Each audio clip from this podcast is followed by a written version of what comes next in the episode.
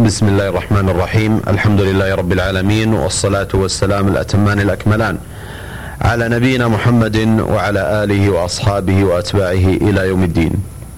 أيها الإخوة والأخوات السلام عليكم ورحمة الله وبركاته.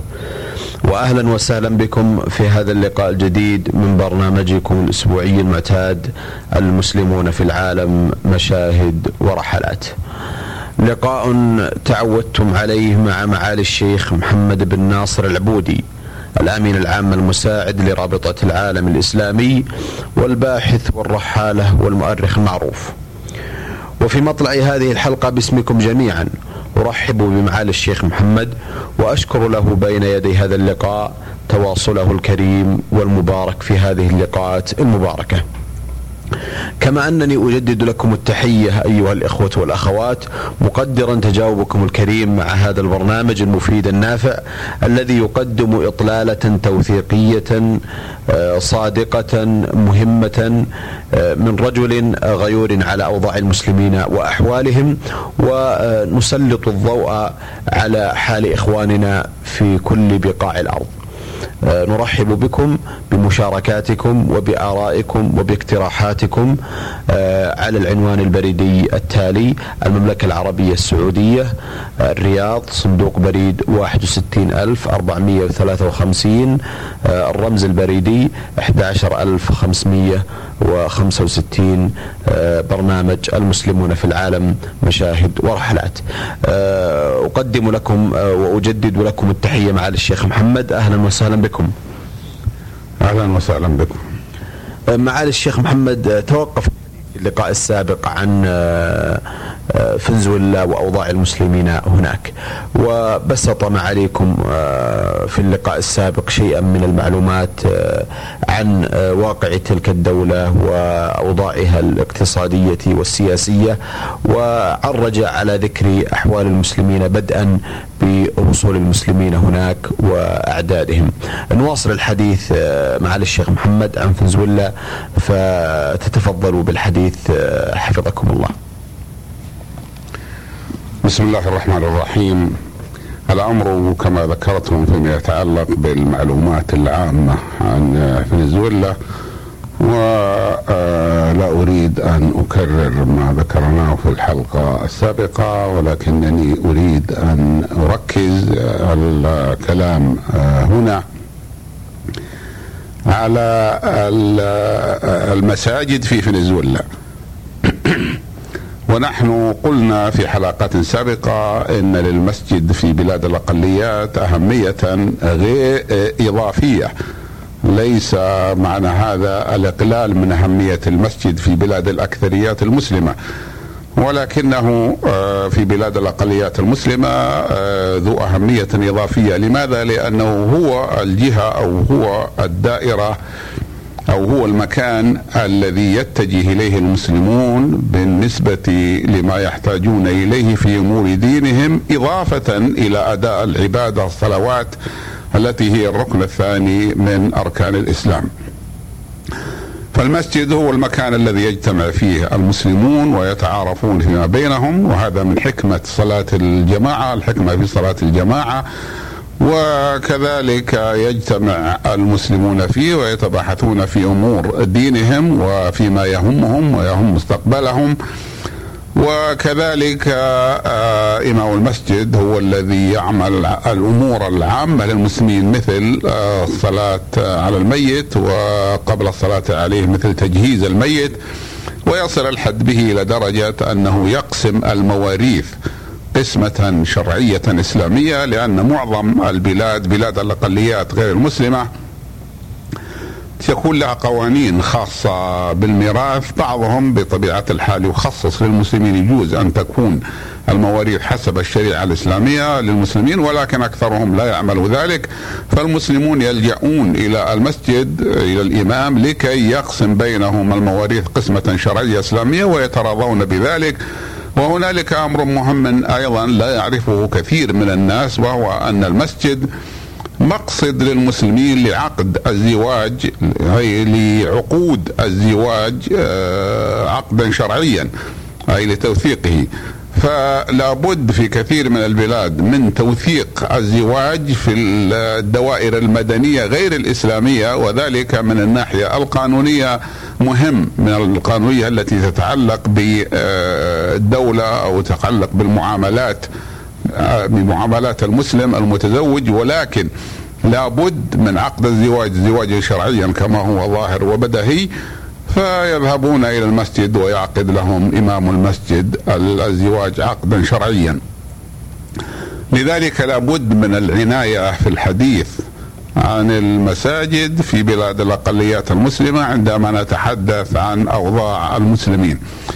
آه بعد هذه المقدمة نقول إن في فنزويلا آه عشرة مساجد وما يسمى مصليات. والمصليات هي أماكن الصلاة وهذا اصطلاح وإلا فالمسجد هو المسجد ولو لم يكن له مظهر المسجد، الناس يفرقون الآن بين مسجد ومصلى بأن المسجد هو الذي يكون له المظهر الكامل المميز للمسجد مثل وجود المنارة أو أكثر من منارة واحدة ومثل وجود القبة المعتادة على المساجد.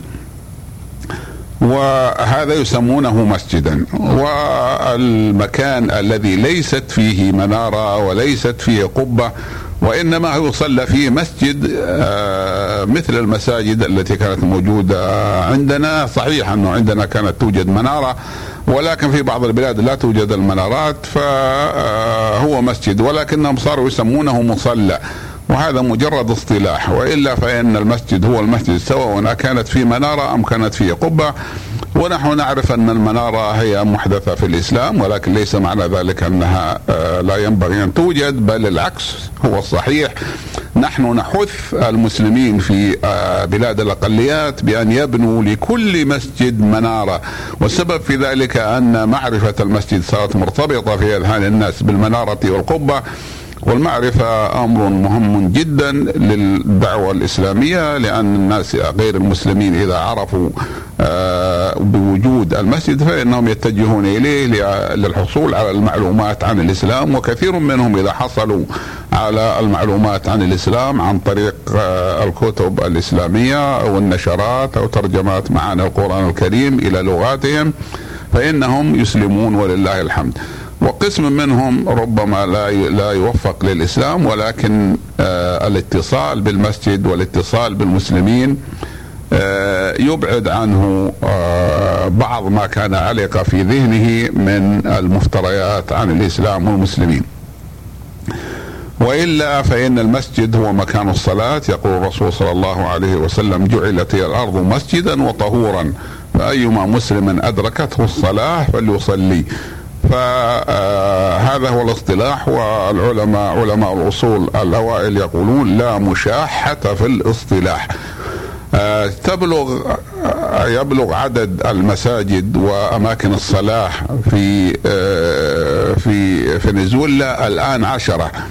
من باب المقارنات المفرحة أنني عندما زرت فنزويلا لأول مرة في عام 1307 في عام 1397 آه، هجرية لم يكن فيها إلا مسجد واحد في العاصمة ولا يوجد مسجد آخر غيره فيها. وذلك المسجد له قبة ومؤقتة ولكن ليست له منارة وحتى تلك القبة ليست تصيل فيه لأنه بيت اشتراه المسلمون الجمعية الإسلامية اشترت في وقت مبكر. ومما آه، يسر ومن التحدث بنعمة الله أن نقول أن المملكة العربية السعودية كانت لها لدى الطولة في شراء هذا المسجد في شراء هذا المكان الذي أصبح مسجدا. وصار آه، آه، فيما بعد هو المسجد الوحيد في فنزويلا كلها. ولذلك كانت المملكة العربية السعودية ساعدت على شراء المسجد ثم ساعدت على شراء مكان بجانبه. ثم آه، صارت تدفع آه، بانتظام وبدون انقطاع عن طريق رابطة العالم الإسلامي تدفع راتبه الراتب لإمامه راتب إمامه وهو الشيخ مصطفى الهمشري الذي بقي سنوات وهو مصري الأصل وأظنه الآن اكتسب الجنسية آه، إحدى الدول في أمريكا الجنوبية إما فنزويلا وإما كولومبيا لأنه الآن يوجد في كولومبيا. وقد قدر لي أن أذهب إلى هناك بعد الزيارة الأولى بأربع سنين فتقرر للمسجد في فنزويلا الأول وهو الحقيقة مسجد لا ينبغي أن يقال مصلى لأنه كامل من كل شيء الا المناره فذهبنا إلى هناك ووجدنا الأخوة قد أسسوا مدرسة صغيرة فتقررت لهم المملكة العربية السعودية مساعدة ضخمة سنوية للمدرسة هذه سموها المدرسة الإسلامية وهي مدرسة بحق آه، والمقصود بالحق هنا الحق الرسمي وإلا فإن المدارس الإسلامية هي مدارس بحق ولكن المدرسة الرسمية هي التي تكون يكون فيها صلب المنهج الحكومي ولكن آه ولكنه هو المنهج الحكومي الذي يتعلق بالعلوم ويتعلق بالرياضيات ويتعلق بأشياء ليست لها صلة بالعقيدة ولا بالدين المسيحي. يضيف إليه المسلمون مواد إسلامية وعربية فيصبح المنهج منهجا مكتملا بمعنى أنه يحتوي على المهم من منهج الحكومة ويحتوي على البرامج والإسلامية.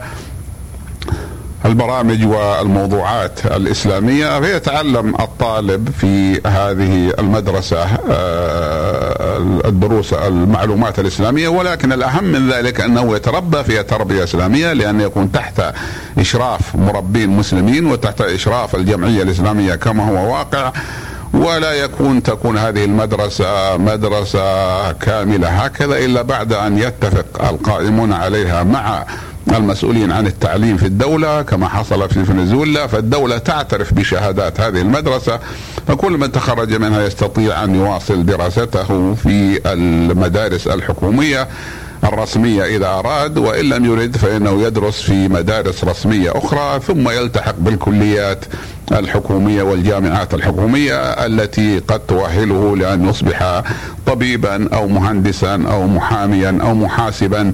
فينفع المسلمين عن طريق المركز الذي يتبوأه المهم في الميدان المدني وهذه هذه المدرسة من هذا النوع وقد أعطتها رابطة العالم الإسلامي وكذلك كانت تأتيها مساعدة راسا من المملكة العربية السعودية عن طريق السفارة مبالغ كبيرة للمدرسة ثم ساعدتهم المملكة بشراء مقبرة كبيرة.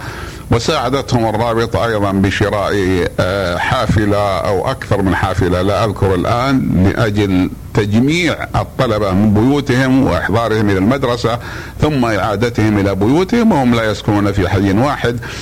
فهذا كله ولله الحمد حصل بمساعدات من المملكة العربية السعودية.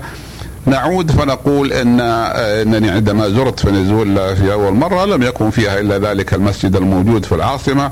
ولكن عندما زرتها الزيارة الأخيرة وجدت فيها عشرة مساجد ولله الحمد والشكر في عدد من البلدان وفيها مسجد مميز هو مسجد الشيخ عبد العزيز بن إبراهيم وسيأتي الكلام عليه وهذا المسجد مسجد يعني آه، قليل النظير في النصف الغربي آه، من الأرض.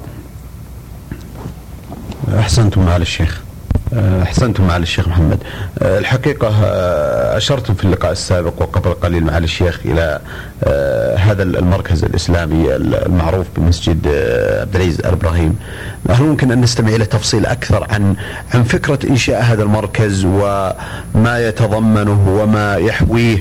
وماذا آه، الجهد الذي يقوم به هذا المركز الإسلامي آه، الكبير الذي انشاته مؤسسة عبد العزيز آل إبراهيم معالي الشيخ؟ آه، مسجد الشيخ عبد العزيز بن إبراهيم رحمه الله هو مسجد ضخم جدا آه، بدأت فكرة بنائه في عام 1984 وليس المقصود من ذلك أن تبنيه أن يسمى مسجد الشيخ آه، عبد العزيز إبراهيم وإنما بدأت فكرة إهداء أرض ضخمة في العاصمة إلى المسلمين الذين لم تقبل حكومة فنزويلا أن يمثلهم غير سفارة المملكة العربية السعودية لأنها هي موضع الثقة وموضع الاعتماد وهي التي يعتقدون أنها تمثل السفارات المسلمة الموجودة في في فنزويلا ومن ثم تمثل المسلمين في الخارج. فبدأت الفكرة في عام 1984 بل بدأت قبل ذلك فكرة إعطاء الأرض ولكن لم تتبلور والأرض تتعين إلا في عام 1984 وكان من المقرر أن تقوم المملكة العربية السعودية بإنشاء المسجد أو نقول بإنشاء مركز إسلامي أسوة بالبلدان الثانية التي أنشأت فيها المملكة العربية السعودية آه، مراكز ومساجد ضخمة مثل المركز الإسلامي في البرازيل هذا المركز آه، تبلغ مساحة أرضه الذي في البرازيل أقصد 28 ألف آه، متر وسبق الكلام عليه عندما تكلمنا عن البرازيل. ومثل المركز الإسلامي في مدريد ومثل المركز الإسلامي في روما ومثل المركز الإسلامي في مدينة ليون في فرنسا التي هي المدينة الثانية. ومثل آه، مراكز إسلامية عديدة بنتها المملكة وقد رأت أو استعدت أن تبني في هذا في وسط العاصمه هذا المركز ولكن مؤسسة آل إبراهيم الخيرية سارعت جزاهم الله خيرا فبدأت في عام 1989 التحضير لبناء هذا المسجد ابتغاء للثواب والأجر من الله سبحانه وتعالى. رغم أن آه، هذا المبنى أو هذا المسجد العظيم سوف يكلف اموالا طائلة ومع الأموال الطائلة تكلف صيانته وكذلك تشغيله أي تسييره تسيير العمل فيه يكلف مبالغ ضخمة ولكنهم لم يبالوا بهذه. جزاهم الله خيرا. وقد كان الموقع في وسط العاصمة وبنوه ظاهرا بحيث أن منارته يبلغ ارتفاعها 113 مترا. وهي بذلك تكون أعلى منارة في النصف الغربي من آه الأرض. لا يوجد مثيل لها أعلى منها في النصف الغربي من الأرض يعني لا توجد منارة مسجد. وليس المراد أنه لا توجد لا يوجد مبنى أعلى منها. ولكنني أذكر أني كنت آه ساكنا في المرة الأخيرة في فندق هيلتون في آه كاراكاس وكانت غرفتي فيما أذكر في الطبقه التاسعه أو العاشر ومع ذلك رأيت هذه المنارة مميزة واضحة من شرفة الفندق على المدى البعيد لأن مكانها مرتفع نوعا ما وهي آه، متميزة والمسجد بقبته وبمنارته مسجد مميز ويسر منظره قلب كل مسلم يصل إلى هناك. وإذا آه، تركنا المظهر العام ورجعنا إلى المسجد نجد أنه أكبر مسجد في أمريكا الجنوبية آه، في الوقت الحاضر ويضم قاعة آه، للإجتماعات مساحتها 1200 متر مربع كما يضم مدرسة إسلامية مؤثثة ومجهزة تستوعب 300 طالب وإن كانت الآن فيها أقل من ذلك.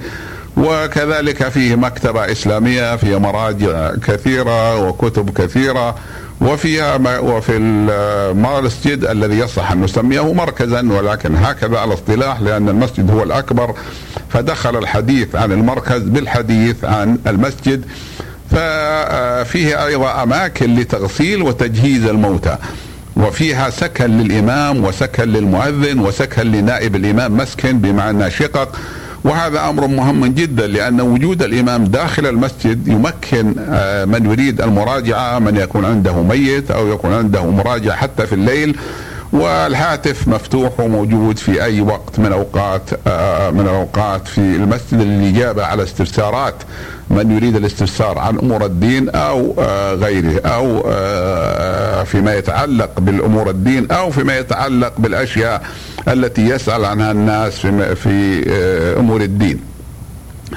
ولضخامة هذا المسجد آه، حضر آه، افتتاحه الرئيس فنزويلا في ذلك الوقت وهو كارلوس أندريس بيريز. وكذلك آه، حضره عدد كبير من المملكة العربية السعودية ومن المسلمين في الخارج ومن يسمون الجاليات الإسلامية في الخارج. ولا نقول الجاليات الإسلامية وإنما نقول الأقليات الإسلامية لأن الجالي هو الذي آه، جلى أي آه، ذهب من بلده إلى تلك البلاد. سواء أكان جلاؤه أو إجلاؤه أكان اختيارا أم اضطرارا فهذا لا يسمي جالية. ولكن الآن يوجد مسلمون من المقيمين هناك ومن أهل البلاد الأصلاء فهؤلاء لا يصح أن يقال لهم جالية وإنما يقال لهم أقلية مسلمة. وقد كان افتتاح المسجد في يوم في في الأول من ذي القعدة عام 1413 ويوافق شهر أبريل عام 1993 آه، هجرية. هذا فيما يتعلق بالمركز الإسلامي الذي هو آه، ما فيه مسجد الشيخ عبد العزيز بن إبراهيم رحمه الله. أحسنتم معالي الشيخ. آه، معالي الشيخ محمد آه، الحقيقة هذا المسجد آه، الذي أنشأته مؤسسة آل إبراهيم الخيرية والذي تفضلتم بذكر شيء من جوانبه وأهميته. آه، ممكن أيضا أن نستمع إلى أمرين معالي الشيخ محمد. الأمر الأول آه، الدور الذي قدمه هذا المسجد والأثر الذي كان من قبل هذا المركز والمسجد آه، على الوضع الإسلامي هناك وعلى وضع المسلمين في فنزويلا. الأمر الآخر هل هناك مساجد أخرى يعني لها دور أيضا في احتضان المسلمين لأداء عباداتهم وصلواتهم وشعائرهم؟ بطبيعة الحال آه، المطلوب من كل قادر من المسلمين أن يسهم في إيجاد مسجد للمسلمين. اولا لكي يقصدوا آه، المسجد لأداء العبادة وثانيا ليكون مرجعا لمن يريد معرفة شيء عن الإسلام. لكن ليست العملية عملية حسابية بمعنى نقول كم كان حصل وكم جاء وكيف حقق. المهم أننا نحن نبذل جهدنا ونبلغ الدعوة وكما تعلمون إن البلاغ هذا مهم في الإسلام وإن الإنسان إذا أبلغ الدعوة فإنه يعذر. ولكن فيما يتعلق بهذا المسجد نحن نرى ولله الحمد النتائج كبيرة وفي خاصة فيما يتعلق أنه في البلاد اقليات أقلية مسلمة من الممكن المسلمين في حدود خمسين ألف كما بلغنا فيها. وفي العاصمة كراكاس نحو 28 ألف منهم. ولكن آه، آه، فيه دعوة وفيه إبراز لوجود الإسلام في المنطقة وفيه إبراز لوجود المسلمين في العالم لأن كثير من من عوام الناس غير المسلمين في بلاد الأقليات المسلمة لا يعرفون شيئا عن وجود الإسلام ولا يعرفون شيئا عن أداء العبادة. فمن أهم ما يكون أن صلاة العيد صارت تقام فيه بصفة رسمية ويحضر آه، أداء الصلاة. الصحفيون والإذاعيون والتلفزيون فيسجلونها ويبرزونها للعالم ولأهل البلاد. آه كذلك يبرزون المناسبات الكثيرة ومنها صلاة الجمعة في كثير آه من الأحيان إضافة إلى ما يصدره المركز من نشرات ومن كتب وما يوزعه من ترجمات لمعاني القرآن الكريم باللغة الإسبانية التي هي لغة آه البلاد. وصار مقصدا ومرجعا لمن يريد المعرفة عن الإسلام. أه، أحسنتم على الشيخ. هل هناك مساجد أخرى أيضا ومراكز موجودة في فنزويلا؟ أه، تستحق الذكر والتنويه مع الشيخ؟ نعم أه، هنالك مراكز كما قلت ومساجد هي عشرة فأول مسجد هو ما المصلى الإسلامي في كراكاس أو المسجد في كراكاس وهو قديم. هذا أظن افتتح في عام 64 أو 66 أو نحو ذلك يعني في العشرة السبعين. وبعده في العاصمة نفسها آه، آه، مسجد آل إبراهيم. آه، هذا اثنان. ثم بعد ذلك مساجد كثيرة. لا يعني أعرف تقديرها بالضبط ولكنني أعرفه أن المسجد الثالث من ناحية الإنشاء هو وجد في جزيرة اسمها جزيرة مارغريتا. وهذه الجزيرة مهمة جدا لأن فنزويلا جعلتها منطقة آه، تجارية حرة يأتي إليها الناس من أقطار البحر الكاريبي من الجزر في البحر آه، الكاريبي. ويتسوقون آه، منها وكذلك يفدون إليها. فوجد فيها مسجد جيد وهذا المسجد ساعد ساعدت المملكة العربية السعودية على إقامته أكثر من مرة كما ساعدت على إقامة بقية المساجد. هنالك مسجد مهم جدا وهو مسجد فالنسيا والفضل آه، لله سبحانه وتعالى ثم للإخوة المسلمين الذين اشتروا الأرض. ولكن كان لسفارة المملكة العربية السعودية وعلى رأسها سعادة السفير في ذلك الوقت الأخ بكر خميس فضل عظيم في شراء هذا المسجد فقد دفع لهم آه، مبلغ كبير من المال على هيئة قرض ثم كتب للحكومة السعودية وأعطوه مبلغا كبير من المال ثم كتب لبعض أهل الخير المتبرعين في المملكة فأعطوهم قليل آه، بعض المال لا أقول قليل ولكن أعطوه آه، مالا آه، نسأل الله أن يقبل منهم ذلك. فبني بذلك مسجد فلانسيا ومسجد فلنسيا هذه فلنسيا سميت على اسم فلنسيا في إسبانيا وهي المعروفة بالتاريخ العربي ببلنسيه ذكرت في الأشعار وفي التاريخ العربي وهذا المسجد آه، مهم جدا والذي قام عليهم إخواننا الفلسطينيون المهاجرون المستقرون هناك الذين حصلوا على الجنسية الفنزويلية واستقروا في فنزويلا. وحول هذا المسجد نحو 150 أسرة مسلمة وأسموه مسجد القدس لأنه كما نعلم إخواننا من الفلسطينيين. ويبعد عن تبعد فلنسيا عن العاصمة ب 150 كيلو مترا وقد سافرت إليه مرتين المرة الأولى قبل بناء المسجد عندما اشتروا الأرض ذهبنا إليهم لنرى ونساعدهم. والمرة الثانية عندما اكتمل المسجد وتلك المرة كانت بطائرة صغيرة مروحية وهذه المرة ذهبنا إليها بالسيارات ومعنا مترجم ومرافق ولانهم لغتهم إسبانية كما نعلم. فزرناهم واجتمعنا بالأخوة المسؤولين عن المركز ولديهم إمام راتب ولديهم نشاط جيد وهنالك آه، أعداد آه، هنالك مساجد آه، مسجد آخر اسمه مسجد فلسطين وهو في مراكاي لأن الذي يقوم عليه من الأخوة الفلسطينيين المهاجرين. ويوجد الآن توجد حول المسجد حول مسجد مراكاي أربعون أسرة مسلمة. ويحتاج المسجد إلى مزيد من العناية.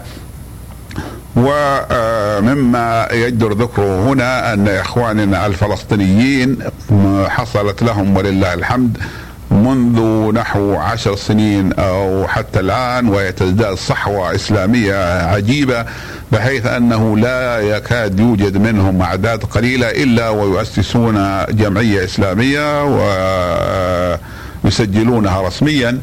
ثم آه، بعد ذلك يؤسسون المسجد أو آه، المصلى.